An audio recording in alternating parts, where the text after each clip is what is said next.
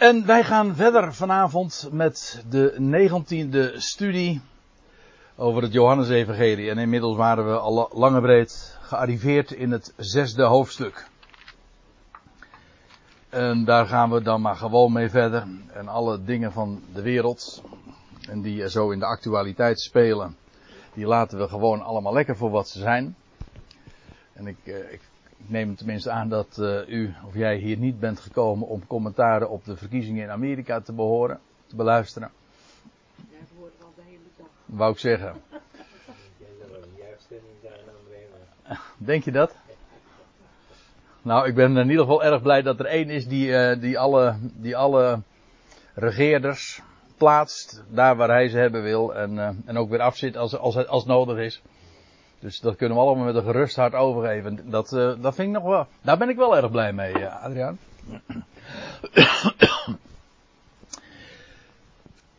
Laat ik eerst even, zoals uh, we dat gebruikelijk zijn te doen, terugblikken. En dan beperk ik me even tot het zesde hoofdstuk van dit evangelie.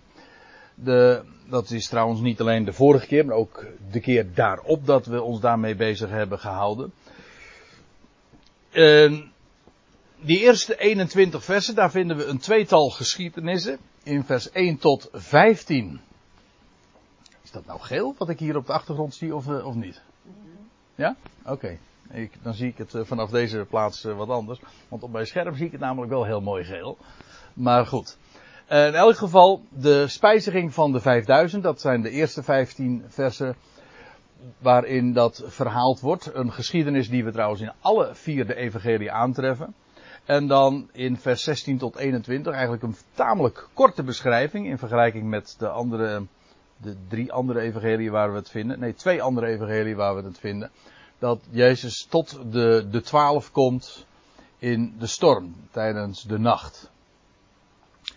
En we hebben dat, zoals we dat uh, alles uh, altijd doen in de, deze studies.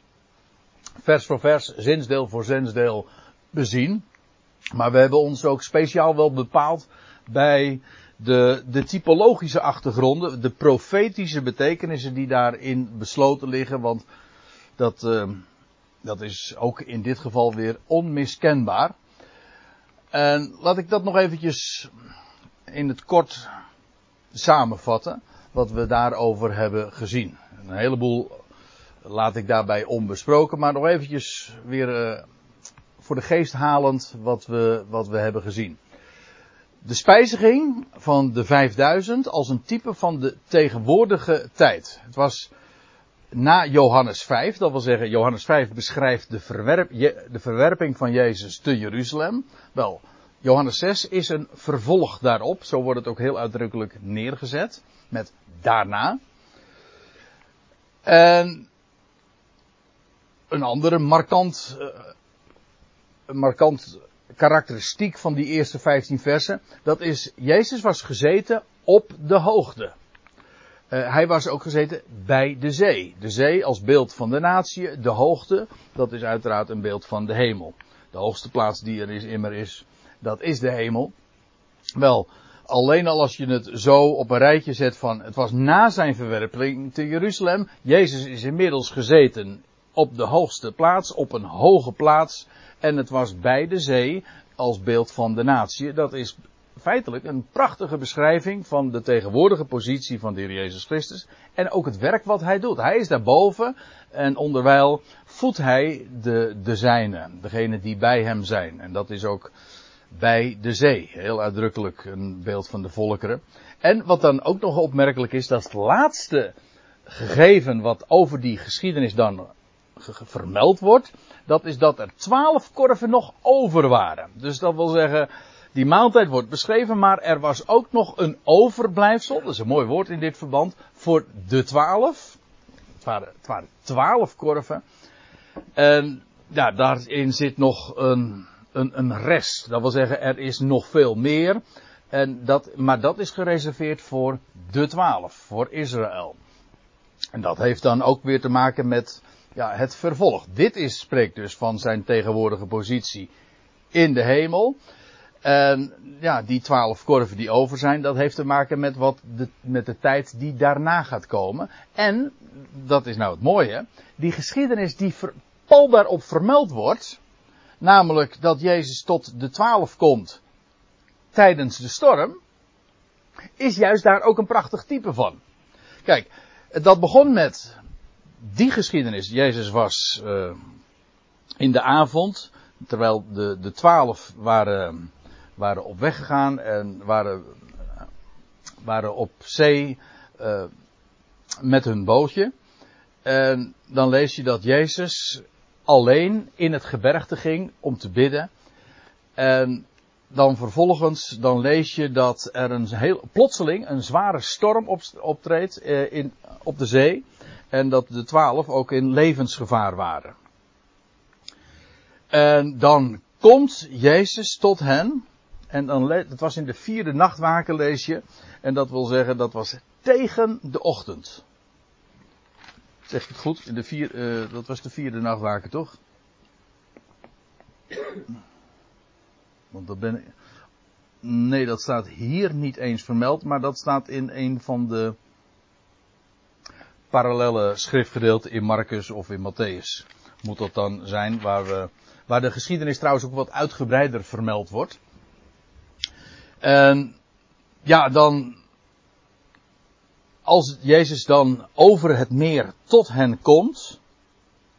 En zij zien hem, dan zijn ze verbijsterd over aanvankelijk denken ze ook een spook te zien. Moet je moet je voorstellen dat je daar uh, op, op de zee bent en dat je dan een witte verschijning, of in ieder geval uh, zo iemand daar over dat water ziet gaan. En dan vragen ze, wie is dat? Dan lees je in Johannes, het wordt heel sumier vermeld, dat terwijl zij Jezus dan tegenkomen, en dat hij hen ook te ge, geruststelt en hij zegt, vrees niet, dat het schip terstond ook uh, veilig het land bereikt. Nou, zet deze gegevens, deze karakteristieken eens op een rijtje en je krijgt een prachtig vervolg op de beschrijving van de tegenwoordige tijd. Dit was dus um, een type van wat de Heer vandaag is en wat hij doet daar in de hoogte. En vervolgens, die geschiedenis erop, heeft te maken met als hij dan op de hoogte is, dat eigenlijk sluit dit aan, dit, dit eerste sluit aan op, op, het, uh, op die voorgaande geschiedenis. Hij is daar binnen op de hoogte, maar de twaalf zijn, komen in levensgevaar, en dat is een beeld van, van Israël, dat te midden van de volkerenwereld, de roerige volkerenwereld, in, in groot gevaar zal komen, wel dan zal de Heer tot hen komen. Het zal inderdaad ook zijn aan het einde van de nacht, tegen de ochtend. En men zal in eerste instantie verbijsterd zijn over wie hij is. Ook dat vinden we in een ander verband dan ook beschreven van uh, wat zijn dat voor wonden in uw, of tekenen in uw handen. Of ze zullen over hem rouw klagen. En omdat ze verbijsterd zullen zijn, wie zij dan zullen zien. Maar dan zal het ook zijn dat hij woorden van vrede tot hen zal spreken. Wees niet bevreesd. En hij zal hen brengen uh, bij, ja, in het land.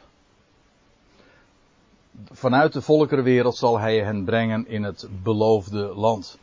En dat is een, ja, als u het mij vraagt, een, zeker ook die combinatie een schitterende beschrijving van en de tegenwoordige tijd. En vervolgens ook wat daarna nog gaat komen. Het, het heil wat God nog in petto heeft met de twaalf.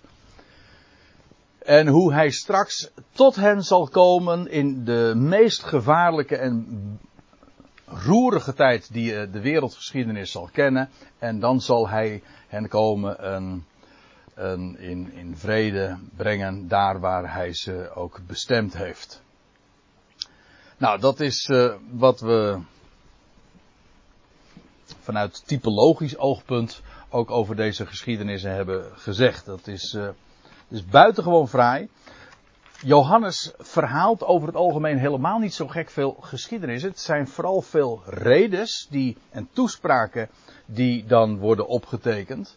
Maar als je, uh, Johannes dat doet, Nou, dan zit daar ehm, altijd, uh, dan zitten daar heel veel lagen nog weer onder.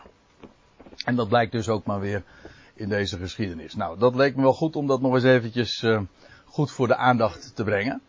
En dan, wat we de vorige keer nog hebben gedaan, is de, een paar versen die erop volgen nog gelezen.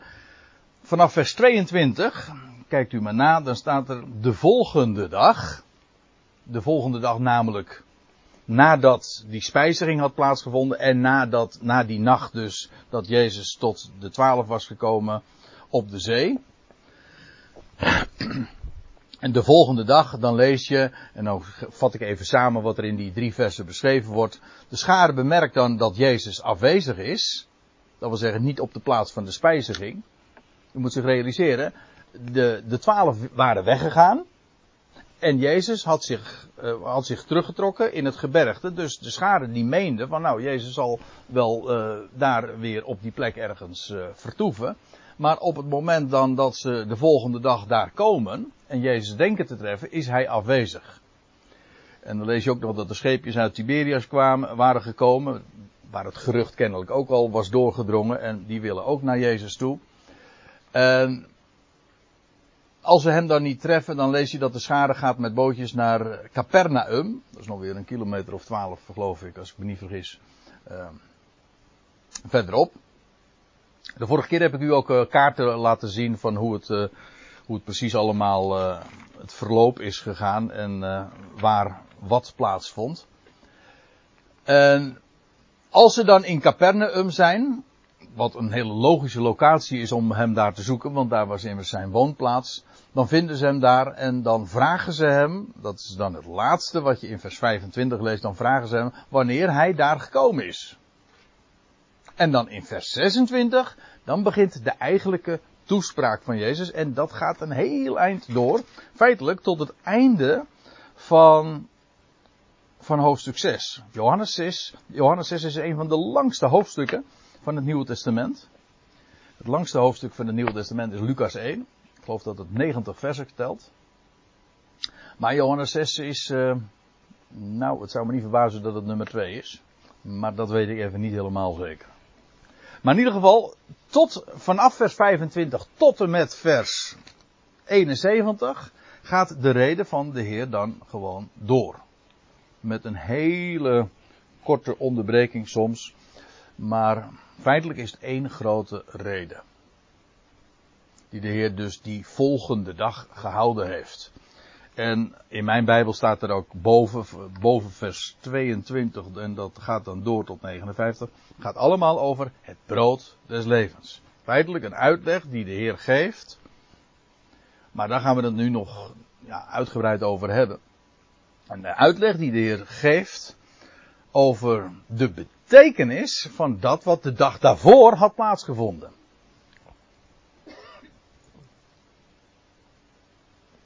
Ik geloof dat we de vorige keer al even wat gezegd hebben over vers 26. Maar het is misschien wel even goed om uh, daar nu, omdat daar de reden ook aanvangt, de toespraak begint, om daar uh, dan aan te haken. Overigens eventjes een, de, als je Johannes 6 even grof indeelt, dan krijg je vanaf vers 26 tot vers 36, dat is gericht aan ongelovigen, we zullen dat ook zien. Degene die niet geloven dus. En dan vers 37 tot 59 aan gelovigen. Zult vanzelf allemaal zien, maar dit is al eventjes om het een beetje goed en systematisch in te delen. En vanaf vers 60 tot, tot het einde, tot vers 71, dat is dan gericht specifiek aan de discipelen. Waarbij ik moet zeggen dat de discipelen niet alleen maar de twaalf zijn. Dat is eigenlijk de, om zo te zeggen, de inner circle. De binnenste cirkel. In werkelijkheid is dat uh, aantal van discipelen veel groter. Nou, en dan beginnen we maar eens uh, met uh, de eigenlijke bespreking. In vers 26, dan lees je, Jezus antwoordde hun en hij voorwaar, voorwaar, ik zeg u. Dat zegt hij nogal eens in het, in het Johannes-evangelie. Voorwaar, voorwaar, amen, amen. Wat trouwens amen dat is hier Grieks, maar eigenlijk komt dat weer uit het Hebreeuws, wat weer te maken heeft met het is waar. En het heeft ook nog zelfs te maken met het Hebreeuwse woord voor geloven. Dat niks anders is dan iets beamen. Eigenlijk zeggen wij het in het Nederlands ook zo. Geloven is dus amen zeggen op, oftewel beamen. Jezus antwoordde. Nou ja, hij antwoordde. Dat wil zeggen, het was een woord in reactie op. Maar het was geen antwoord op de vraag. Eigenlijk een antwoord. Dat is wel leuk in het Nederlands. Ik ben altijd gek op dat soort, uh, dat soort woordafleidingen. Maar het betekent eigenlijk een anti-woord. Een woord in plaats van. Iemand zegt iets en jij reageert daarop. Meestal is het een, een, een, uh, een antwoord, een respons op een vraag. In dit geval wordt er een vraag gesteld. Maar Jezus gaat niet specifiek in op de vraag. Hij ontwijkt de vraag, want de vraag was: wanneer bent u hier gekomen?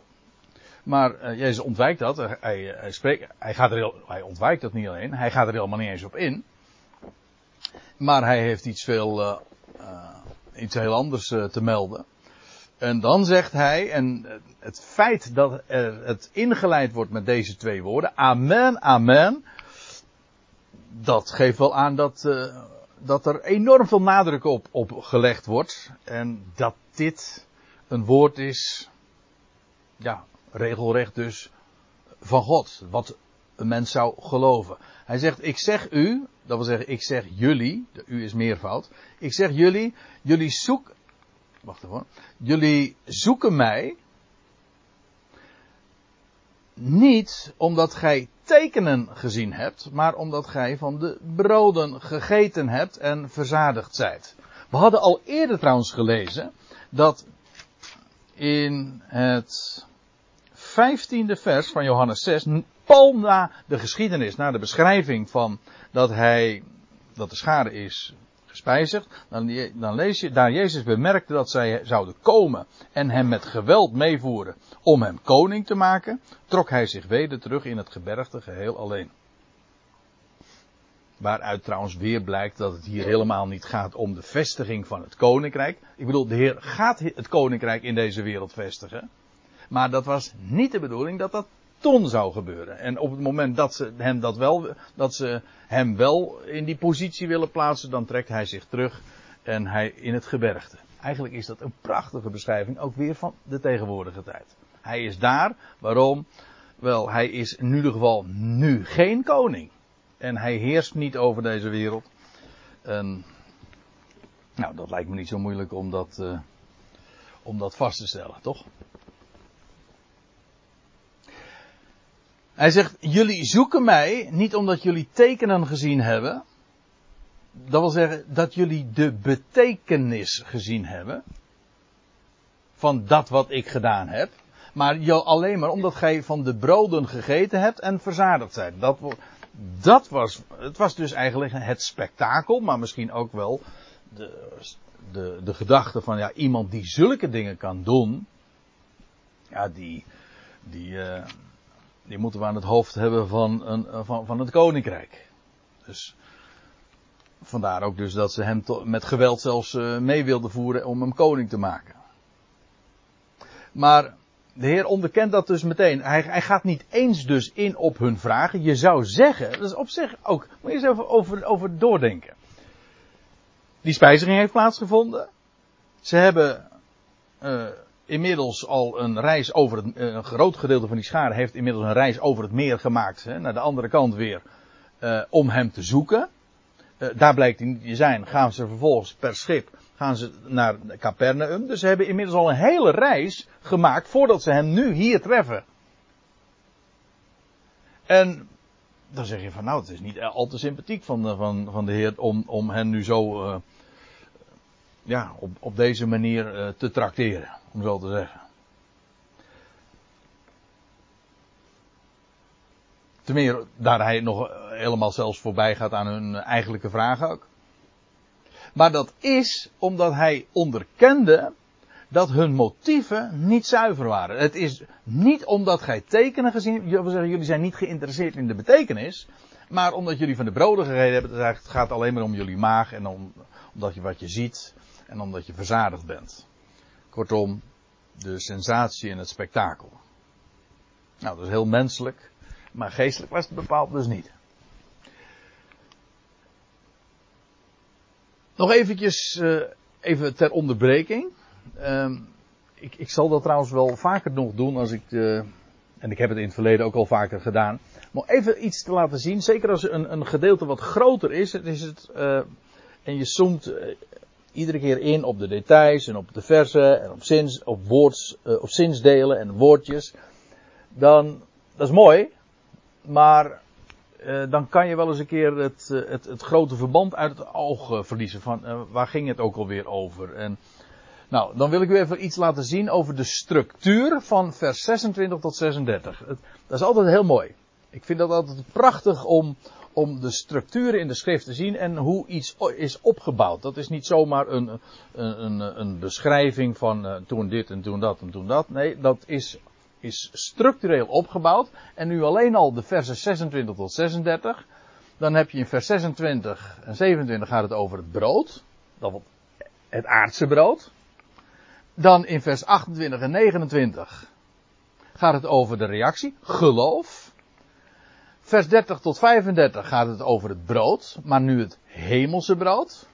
En dan vervolgens in vers 36 ongeloof. Nou, zet het zo, zo uh, onder elkaar, dan zie je dus dat vers 28 en 29, dat sluit aan. Hier gaat het over geloof, hier gaat het over ongeloof. Hier gaat het over brood dat aards is, het aardse brood. En hier gaat het over het hemelse brood. Die indeling.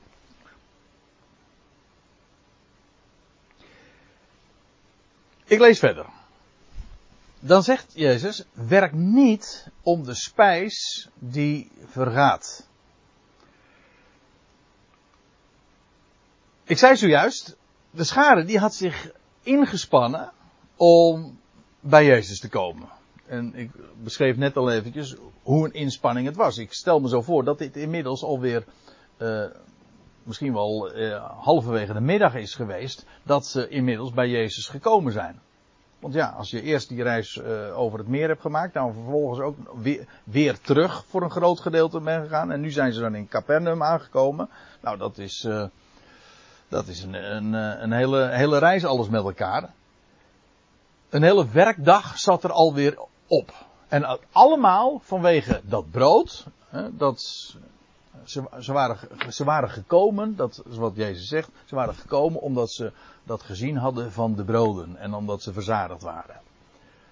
En, dan, en nu hadden ze weer een werkdag er al op zitten. Eigenlijk alleen maar omdat ze die interesse in dat brood. En in, in, de, in de fysieke betekenis van het woord. En dan zegt de Heer, werk niet om de spijs die vergaat. Dat brood, wat jullie gisteren gegeten hebben, op zich, gewoon al, dat aan, aan, aan zich, dat is uh, vergankelijk, dat gaat weer verloren. Hij zegt, en daar zou je niet om werken. Wat ze dus, het is dus ook heel specifiek tegen die schade, die juist een hele werkdag bijna er al op, op hadden zitten, allemaal vanwege dat brood dus. Nou, dan zegt heer werk niet om de spijs die vergaat. Je kunt natuurlijk ook zeggen, het is een, ehm, dat noemen ze een, in de stijlfiguren een, een hyperbool, een, een overdrijving. Want, kijk, in het algemeen kun je niet zeggen dat de heer zegt van, je moet niet werken om het spijs die vergaat. We, we hebben allemaal zo ons dagelijks uh, leven, ons dagelijks brood, en dat was in die dagen natuurlijk niet anders. Dus Paulus die zegt van uh, in 2 Thessalonicenzen 3. De ongeregelde die, uh, die hij dan en zegt hij van wie niet wil werken, die zal ook niet eten. Dus uh, gewoon je handen uit je mouwen steken om, om, om je brood te verdienen. Daar is niks mis mee. Integendeel, als je die doet, wie niet wil werken, die zal ook niet eten. Dat is wat Paulus daarover zei. Maar dat is ook, dat is hier dus niet de gedachte. Het gaat, het gaat niet om die spijs die vergaat. Het is uh, net zoiets als wat de Heer Jezus zegt als hij verzocht wordt in de woestijn. En dan, dan is dat een reactie op wat Satan tegen hem zegt, de diabolos. En dan zegt hij van. Um, over. Een mens zal niet, ja dat is het. Een mens zal niet van brood alleen leven maar van alle woord dat uit de mond Gods uitgaat. Daar zie je al, een mens zal niet van brood alleen leven. Natuurlijk heb je brood nodig. heb je brood nodig. Maar dat is het niet. Een mens zou leven van dat waar brood een beeld van is, namelijk van alle woord dat de mond Gods uitgaat. Dat is echt brood. Daar zullen we trouwens eh, straks eh, nog wel over hebben, over de, de type, de typologie, de, de symboliek van brood. Maar werk niet om de spijs die vergaat. Maar, zegt hij, om de spijs, het voedsel dat blijvend is, tot in het eeuwige leven. U ziet hier letterlijk, daar hebben we inmiddels al eh, diverse keren zo in de loop van de besprekingen van het Johannes-evangelie bij stilgestaan. Want er is geen evangelie waar zo enorm vaak de, die uitdrukking het eeuwige leven gebezigd wordt. En ik ga niet iedere keer als, we, als die uitdrukking voorbij komt, uh, daar, uh, daar uitgebreid op in. Maar inmiddels weten we wel dat hier sprake is van het leven, namelijk het Ionische leven. Zo plegen we dat niet zeggen. Of eventueel het eeuwige leven. Het idee is dus niet dat het leven eindeloos is. Overigens, het leven.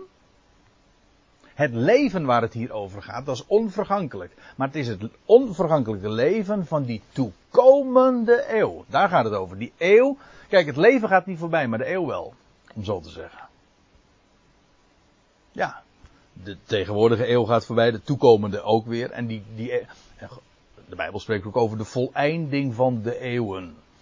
Dus God heeft een plan der eeuwen of een plan der ionen. Maar dat leven, dat, dat van de toekomende eeuw, ja, dat is het leven, het opstandingsleven ook. Maar dat, waar, hoezo dat eeuwig, Ionisch, wel omdat het verband houdt met die toekomende eeuw. Het is ken, kijk, de, deze boze Ion, daar is alles vergankelijk. Maar in die toekomende eeuwen, daarin gaat het leven heersen en overheersen, totdat zelfs de dood teniet gedaan zal zijn. Dat is uiteindelijk het einde en het, het grote doeleinde ook. Dat voedsel, dat blijft tot in het leven van de toekomende eeuw. Dat wil zeggen, dat trotseert alles wat in deze wereld vergankelijk is, maar dat, deze spijs, dat trotseert dat. Omdat het namelijk het te maken is, heeft met echt leven dat onvergankelijk is. Ja. Ik heb hier nog een verwijzing staan naar Jezaja 55. Hè. Eh, het, de spijs die blijft tot in het eeuwige leven. Als ik zeg eeuwige leven, dan stotter ik niet, maar dan zeg ik dat echt even om die nadruk dus te leggen op het feit dat het te maken heeft met die eeuw. Maar Jesaja 55. Schitterend gedeelte. Maar dan wordt er geroepen, o alle dorstigen. Kom tot de wateren en gij die geen geld hebt, komt, koopt en eet. Ja, komt, koopt zonder geld en zonder prijs wijn en melk. Gewoon hier alle eerste levensbehoeften worden hier zomaar gegeven. Kom, ah, en zelfs als je geen geld hebt, geen punt. Hierom niet wordt het gegeven. Waarom weegt gij geld af voor wat geen brood is? En uw vermogen voor wat niet verzadigen kan? Hoort aandachtig naar mij. Met een hoofdletter, jawel. Opdat gij het goede eet en uw ziel zich in overvloed verlustigen. Ik zou eigenlijk door moeten lezen, want dan zul je ook zien dat dat juist ook weer gaat over die toekomende eeuw in het bijzonder ook weer. Als dat koninkrijk gevestigd zal worden. En dit allemaal zo rijkelijk en vrijelijk ook eh, beschikbaar zal zijn. Vergeet u, vergeet u niet, hè? Die toekomende eeuw, daar lees je van dat de aarde zal vol zijn van de kennis van Yahweh, zoals de, de, de, de, de aardbodem, nee, hoe zeggen zoals de zeeën de, zo is het. Zoals de, de wateren de bodem der zee bedekken. Ja, Jezaja. Dus die toekomende eeuw is zo geweldig. Maar ja, dat heeft alles mee te maken dat dit gegeven zal worden. Vandaar ook dat het, hoort ook typisch bij die toekomende eeuw. Afijn. Uh, Ik lees even verder. Het werkt niet om de spijs die, ver, die vergankelijk is, die verloren gaat, maar om de spijs die is blijvende tot in het eeuwige leven, welke de Zoon des Mensen u geven zal. Ook die, de Zoon des Mensen. In het Johannes-evangelie is de Heer Jezus de Zoon van God. Dat is eigenlijk het meest karakteristieke.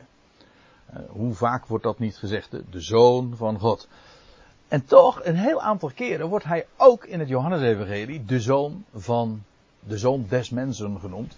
Maar ik vind het veel mooier, want bij, mens, bij zoon des mensen denken wij, maar dat komt omdat het een oud uh, Nederlandse naamval is, dat het, uh, dat mensen meervoud is. Maar het is niet zo.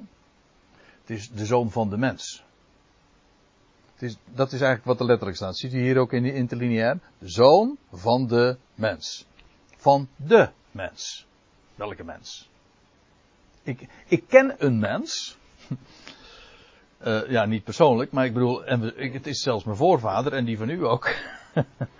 uh, een mens die gewoon de mens heette. Zijn naam was zo. Ha, Adam. De mens. God schiep de mens naar, naar zijn beeld en gelijkenis. Hè. Ha, Adam staat er dan. Ha, Adam. Nee, dat, is, dat H is een bepaald lidwoord de dus. De mens. En de zoon van de mens, dat is dus eigenlijk gewoon de zoon van de Adam eigenlijk ook dan. En dat dat een, een titel is van de Messias, ja, ik ga het nu niet uh, opzoeken, want we hebben dat in het verleden al een keertje gedaan. Maar in Psalm 8, ik wil er nog wel even graag aan herinneren dan, uh, dan gaat het ook over die Ben Ha-Adam, de zoon van de mens. Wat is, kent u wel dat gedeelte? Daar wordt er beschreven hoe groot de hemel is en dan staat, wat is dan de mens dat gij zijner gedenk, of de zoon des mensen, maar daar, daar staat in het Hebreeuws gewoon, de Ben Ha-Adam, of de Ben Adam, uh, dat gij zijner gedenkt, gij hebt hem een weinig minder, zo staat het er echt dan, eh, gij hebt hem een weinig minder gemaakt dan de engelen, maar met eer en heerlijkheid hebt gij hem gekroond. En als je dan de Hebreeënbrief dan erop naleest, dan wordt dat becommentarieerd en dan, eh, dan wordt Psalm 8 aangehaald en dan zegt ja, dat gaat over de Heer Jezus Christus. Hij is die Ben Ha-Adam. Hij is de erfgenaam, want dat is wat het woordje Ben of zoon betekent. Hij is de erfgenaam van de Adam. Alles wat Adam uh, onder zijn hoede kreeg. Adam werd gesteld om te heersen over al de werken Gods. Wel, de erfgenaam, u weet, hij is, hij, hij, Adam werd de ontslagen tuinman.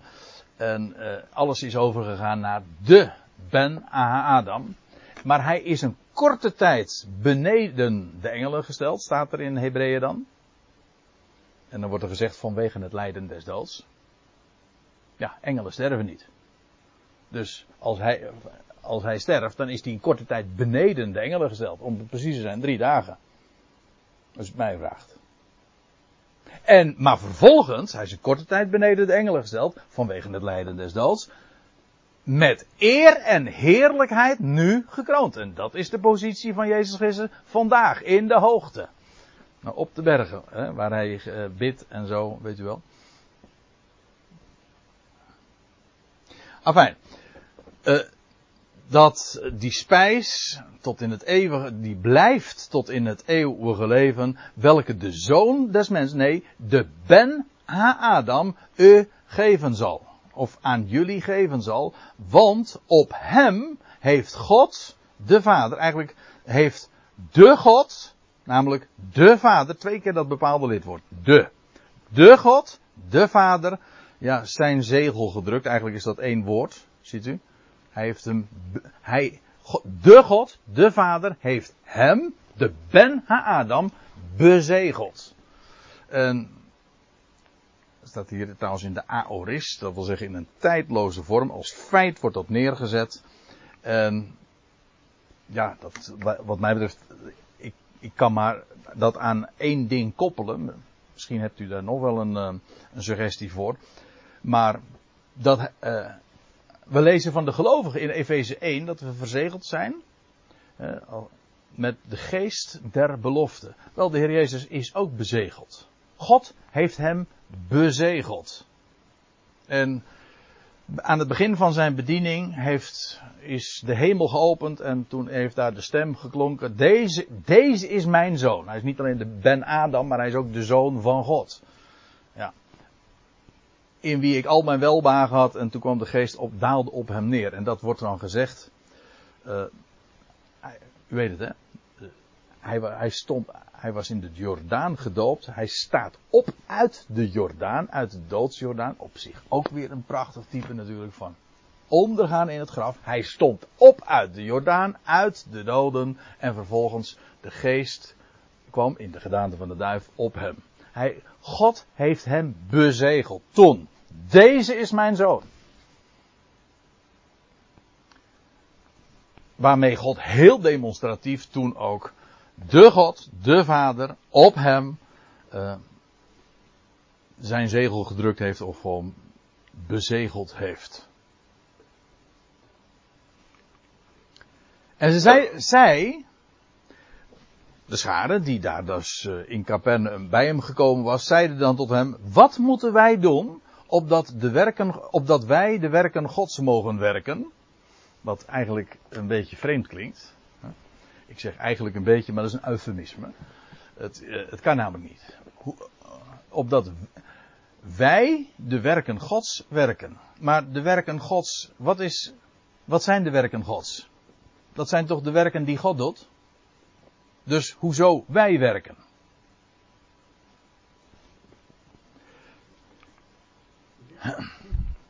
De werken van God, de werken van, van u, dat zijn de werken die u doet. De werken van God, dat zijn de werken die Hij doet. Dus de vraag is al vreemd.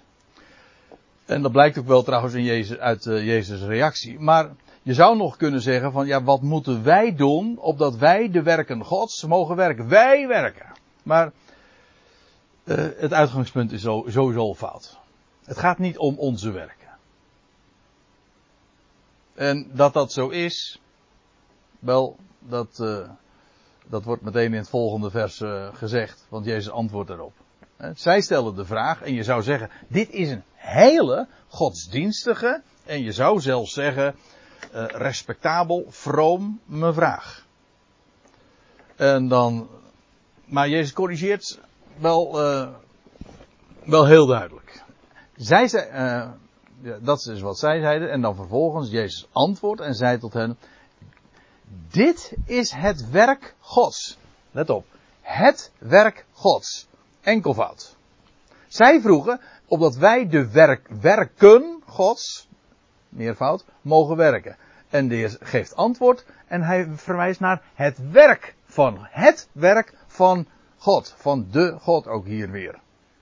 En wat is het werk van de God? Dat jullie geloven in Hem die Hij gezonden heeft.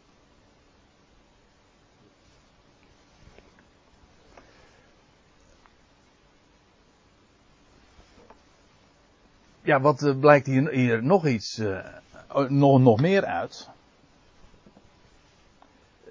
Dat is simpelweg wat een gegeven wat we in dit hoofdstuk nog drie, vier keer zullen tegenkomen. Namelijk dat daar waar een mens gelooft, dit het werk van God is. Ik weet, dit is uh, een theologisch beladen uitspraak. Want uh, als je in uh, een groot deel van de christenheid komt, dan zeggen ze dat geloven een mensenwerk is. Dat is. God heeft alles gedaan, maar als de mens dan hem aanneemt, ja, dat is dan uh, de finishing touch, zeg maar. Dat is voor de mens. God heeft alles gedaan. Je hoeft alleen, jij hoeft alleen nog maar te, geloven. Maar dan is het dus het werk van de mens. En de Heer zegt hier, zij de schade die bij Jezus gekomen was, die benaderde dat ook zo. Die wilde ook de werken Gods doen. En hij zegt, nee, dit is het werk van God, dat jullie geloven in Hem. Als je gelooft in Hem,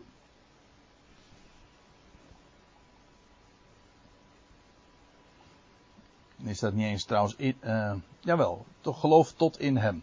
Als je gelooft in Hem, dan is dat het werk van Hem van God. Dat, dat is wat hij zei. Dat is het werk van de God. En we zullen het uh, nog heel wat keren uh, zo tegenkomen. Ik, ik attendeerde er zojuist al even op. Ik heb het nu eventjes niet zo paraat, maar in vers 44 dan lees je, niemand, het is hetzelfde hoofdstuk, niemand kan tot mij komen, tenzij de Vader, die mij gezonden heeft, hem trekken. Hoezo eigen prestatie, als je hem, als je tot hem komt? Als je tot hem komt, en als je hem gelooft, dan is dat omdat hij jou getrokken heeft. En ik weet dat dat een, uh, in, in een groot deel ook, ook van ons lieve vaderland, de Calvinistische wereld, ook trouwens wel zo benadrukt wordt als wat ik nu zeg. Hè, van als je gelooft in hem, dan is dat het, dan is dat het werk uh, van God. Precies ja. Alleen met dat verschil, daar is het heel exclusief. Dat wil zeggen, een, een, een enkeling is, uh, die trekt God. En de rest is verdomd. Ja, dat kent de schrift dus niet. Maar het is wel waar dat degene die gelooft en hem mag kennen, dat die getrokken is door, uh, door de Vader. Niemand kan tot mij komen tenzij de Vader die mij gezonden heeft hem trekken. Dat is het werk van God. Dat wil zeggen, en, dat, dan kom je bij een andere vraag, ja, maar waar blijft dan het roemen? Ik bedoel, is er dan helemaal niets van ons bij? En dan zegt Paulus, inderdaad, niks. ik denk dat daarom de boodschap blijft, geloof in de Heer Jezus Christus je zult. Ja. Want dat is, want wat je net zegt, dat is zo'n hele groep, daar heb ik zelf heel veel mee te maken. Ja, dat weet ik, ja. Weet je, het moet gegeven worden, het moet toegepast worden, je mag het zomaar niet geloven enzovoort. Ja. Uh, maar dan klinkt wel uh, de roep toch? Geloof. Ja, ja, ja, ja. Want het is helemaal niet dat leidelijke afwachten. Je, we prediken het woord van God, het evangelie, en in al zijn rijkdom, uh, in al zijn rijkdom ja, gewoon werkelijk als, zoals de Samaritaanse vrouw dat zei van, hij is de redder der wereld. Hè? De heiland der wereld. Die mogen we verkondigen. En in ieder die dat gelooft. ja, die, uh, die heeft daar deel aan. En als je het gelooft. Dan is dat zijn werk. Dus, ja. En dat is, het sluit ook naadloos aan bij wat we in Efeze 2 vinden. Dat, nou ik lees het maar even voor. Ik heb het uh, nu niet even uh, een diaatje bij de hand. Maar ik moet daar zo aan denken in Efeze 2. Daar staat prachtige woorden. En daar wordt er gesproken in vers 7 over om in de komende aionen. Let op. De komende aionen. Hoort u het goed? Er zijn nog aionen, wereldtijdperken die gaan volgen. Om in de, daar is, en dat is zo, ja, het is een drama. Daar is totaal geen zicht op die komende aionen. Men denkt altijd in termen van een, een, een eindeloze eeuwigheid die straks aanbreekt bij de jongste dag. En dan is het eeuwig wel, u weet het wel hè. Eeuwig wel of eeuwig wee. En dan is een, een, een eindeloze lijn die dan gaat volgen en daar komt nooit meer een einde aan. En als het eeuwig wee is, dat betekent, dan is dat eindeloze verlorenheid. Dat is een, een gitzwart en een hoop, letterlijk, een hopeloos perspectief omdat men denkt in de termen van een, e van een eindeloze eeuwigheid. Maar de schrift spreekt over toekomende ionen die tot een voltooiing gaan komen. En waarin God uiteindelijk de dood als laatste vijand zal te niet gedaan hebben. En dat die alles in alles zal worden. Kijk, dat is, dat is zo ja, godwaardig ook. Maar ook zo rijk, maar ook zo universeel en allesomvattend. Afijn, ik lees even verder. Efeze 2 vers 7. Om in de komende ionen de overweldigende rijkdom van zijn genade te tonen. Daar, daar word ik nou zo blij van. Hè? Om in de komende ionen de overweldigende. Letterlijk staat er geloof ik de overtreffende. Rijkdom van zijn genade te tonen uh, over ons, die in, uh, over ons in Christus Jezus. En dan staat er, want in genade zijn jullie behouden. In genade zijn jullie behouden. Door geloof. Dat niet uit uzelf. Het is een gave gods. Niet uitwerken, opdat niemand roemen. En dat betekent dus dat alle roem is uitgesloten. Dus ook dat geloof, wij gaan door geloof komen wij tot hem, maar het is alles en die behoudenis en het geloof, het is een gave van God. Waarom? Opdat niemand roemen. Het is dus Hij alleen de Heer. Want wij zijn, want zijn, zijn, ma zijn maaksel zijn wij. Nou ja, ik zou verder kunnen lezen, maar dan, dat voert te ver. Uh, maar dat is de waarheid. Dit is het werk Gods. Dat gij gelooft in Hem. Die Hij gezonden of die Hij afvaardigt. Dat is het woord eigenlijk wat hier gebruikt wordt. Het woordje apostel zit hier eigenlijk ook nog in. Of in ieder geval hetzelfde stamwoord. En zij zeiden dan, weer die reactie, zij zeiden dan tot hem, want ik zei van het is een toespraak, dat is ook wel zo, maar de Heer, het is interactief feitelijk, hè, want het is, de Heer spreekt dingen, maar er komt iedere keer ook respons en, nou ja, en, en die interactie wordt hier in Johannes 6 ook beschreven. Zij zeiden dan tot hem, en de, de, de sfeer wordt grimmiger, die wordt nog veel grimmiger trouwens. Maar hier lees je, zij zeiden dan tot hem, wat voor teken doet gij dan? Opdat wij mogen zien en u geloven. Wat voor werk doet gij? Het is toch eigenaardig, hè? Juist uh, om. Van, vanwege het, de hele aanleiding, net de voorgaande dag. Ze waren juist bij Jezus gekomen. En nu vragen ze: voor wat voor teken doet gij dan? Nou, dat is met recht, dan ben je ziende blind. Maar die vraag, die vind je nog eens vaker in, het, in de evangelie.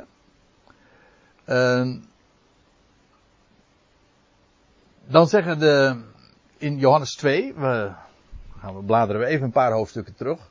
En dan lees je dat, eh, dat is dan in Jeruzalem. En dan staat er, de Joden dan antwoorden en zeiden tot hem, welk teken toont gij ons dat gij dit moogt doen? Ook die vraag in Matthäus 12 lees je. Toen antwoordde hem enige van de schriftgeleerden en fariseeën zeiden: Meester, wij zouden wel een teken van u willen zien.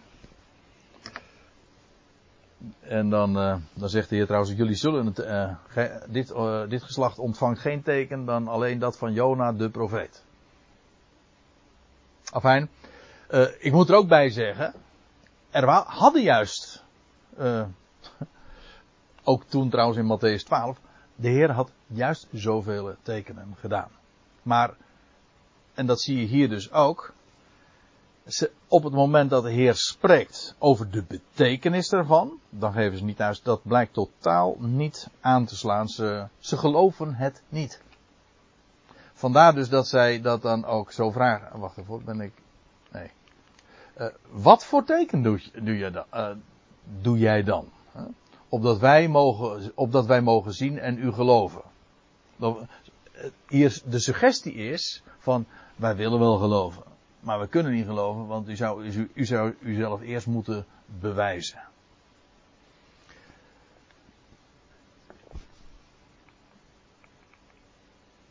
En waarom ze dat dan ook zo zeggen? Ze willen namelijk meer. Kijk, ze hebben natuurlijk wel dat teken gezien van de voorgaande dag, maar dat is voor hen niet voldoende. En dan gaan ze hier motiveren. Dan zeggen ze, onze vaderen hebben het manna in de woestijn gegeten. Zoals geschreven is, brood uit de hemel gaf hij hun te eten. Dat wil zeggen, onze vaderen uh, in de dagen van Mozes.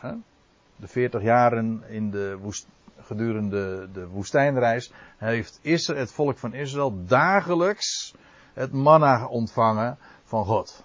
Onze vaderen hebben het manna in de woestijn gegeten. En nou moet u eventjes zich verplaatsen in deze argumentatie. Want het lijkt een beetje vreemd.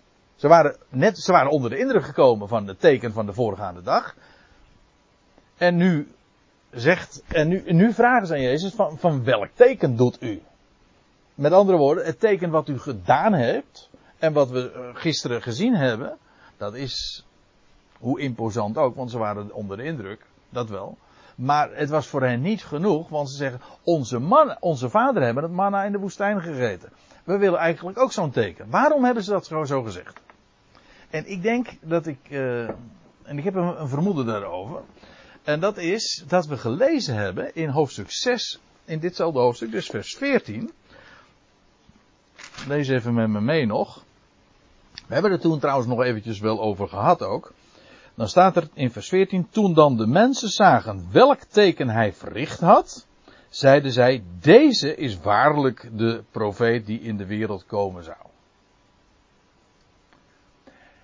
De profeet die in de wereld komen zou. En toen hebben we ook uh, overwogen waarom ze dat zo zeiden. Waarom? En je leest dat in Deuteronomium 18, dat Mozes zegt, uh, ja, in Deuteronomium 18, vers 18, een profeet gelijk mij, zegt Mozes, staat er dan, een profeet gelijk mij zal de Heere uw God u verwekken en naar hem zult geluisteren. De, en dat is, ja, dat is een aanduiding van de Messias. Een profeet van hetzelfde statuur als Mozes. Die zou komen. Nu zeggen zij, wij willen, als u inderdaad die profeet bent, wij willen wel een teken zien van hetzelfde kaliber, om zo te zeggen. Wij willen brood uit de hemel zien. Dat onze mannen, onze vaderen hebben het manna in de, in de woestijn gegeten. En zoals geschreven is, en op verschillende plaatsen, zoals geschreven is uh, in Exodus 16, brood uit de hemel gaf hij hun te eten. Let op, ik zal u even meenemen. Waar dat, er staat hier zoals geschreven is, maar er staat in Exodus 16, vers 4. Toen zeide Yahweh tot Mozes, zie, ik zal voor u brood uit de hemel laten regenen. Zo is het ook gegaan, 40 jaar lang. Manna dus. Ik heb het eventjes in kapitaalletters en vet gedrukt. Ik zal. Het is namelijk van belang, hou me even vast voor de argumentatie in dit verhaal. Uh, Nehemia 9 wordt teruggeblikt, ook op de woestijnreis, en daar staat er, brood uit de hemel, dit is een gebed, hebt gij, God, hun gegeven, het volk van Israël, voor hun honger. En, en water voor hen uit een rots doen komen, voor hun dorst. Maar let op, in beide gevallen, het is God, Yahweh, die hun dat brood gaf. Gij hebt het hen gegeven. En nou, ja, brood uit de hemel gaf hij hun uh, te, gaf hij hun uh, te eten. En, en de argumentatie is van, ja, het teken van de vorige dag dat u gedaan hebt, weet je wel, die spijziging van die 5000, groots, maar het is niet het teken van, uh, zoals Mozes dat ooit gaf aan Israël. Van de profeet die komen zou, verwachten we zo'n teken. Brood uit de hemel. En dan zegt Jezus. Jezus zei dan tot hen. En oh, hij negeert trouwens weer hun vraag. Namelijk de vraag naar een teken. Maar waarom hij dat negeert, nou dat blijkt wel uit het vervolg. Maar dan staat er, Jezus zei tot hen, voorwaar, voorwaar, weer hè, die herhaling. Amen, amen. Ik zeg jullie, niet Mozes heeft u het brood uit de hemel gegeven. Aha, nou begrijp je. Kijk, zij zeiden, als u inderdaad de profeet bent, die komen zou, zoals van het kaliber, van het statuur van Mozes, dan mogen we van u verwachten dat u niet alleen maar die, die, die een schare van 5000 spijzigt op een wonderbare wijze, maar dan willen we brood uit de hemel zien. Dat is de argumentatie. En daarom zegt de Heer, voorwaar, voorwaar, ik zeg u, niet Mozes heeft u het brood uit de hemel gegeven. Dat zeggen jullie nu wel, maar dat is helemaal niet zo. God gaf het jullie. Laat, kijk maar, God gaf het, maar mijn vader geeft u. En dan zegt hij er meteen bij, en dan, gaat, en dan overspringt hij eigenlijk zelfs de geschiedenis. En dan zegt hij, maar mijn vader geeft u, is u gevende. Staat hier, het staat hier in de tegenwoordige tijd, ziet u? Dat streepje wil zeggen, dat verticale streepje, dat het, het is doorlopend. Hij is, in het Nederlands zou je zeggen, is gevende. Is bezig te geven. Mijn vader is bezig u te geven, jullie te geven, het ware brood uit de hemel. Dat wil zeggen, waar manna slechts een type van was. Dus helemaal niet wat jullie eisen van dat Mozes, of zoals Mozes dat gegeven heeft. Mozes heeft het jullie niet gegeven. God gaf dat. En God, en, maar dat zullen we straks na de pauze zien. God geeft ook dit teken. Ook nu. Hij geeft brood uit de hemel. Nou, en dat, maar dat is het vervolg van de argumentatie. Maar ik zie dat het inmiddels negen uur is geweest, dus ik stel voor dat we eerst eventjes een kopje koffie gaan drinken.